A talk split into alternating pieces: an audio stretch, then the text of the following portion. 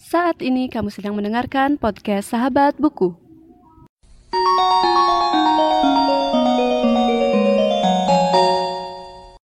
Episode 1 Poetry Corner I miss you. Day by day has passed, sometimes happy, sometimes sad. Many things happen, some were good, some were bad. From the day we met, I gonna have a bat, but I'm not sure enough. I don't think we can come through. But then I realize something's amiss. I cannot just see this view. Honestly, I miss you.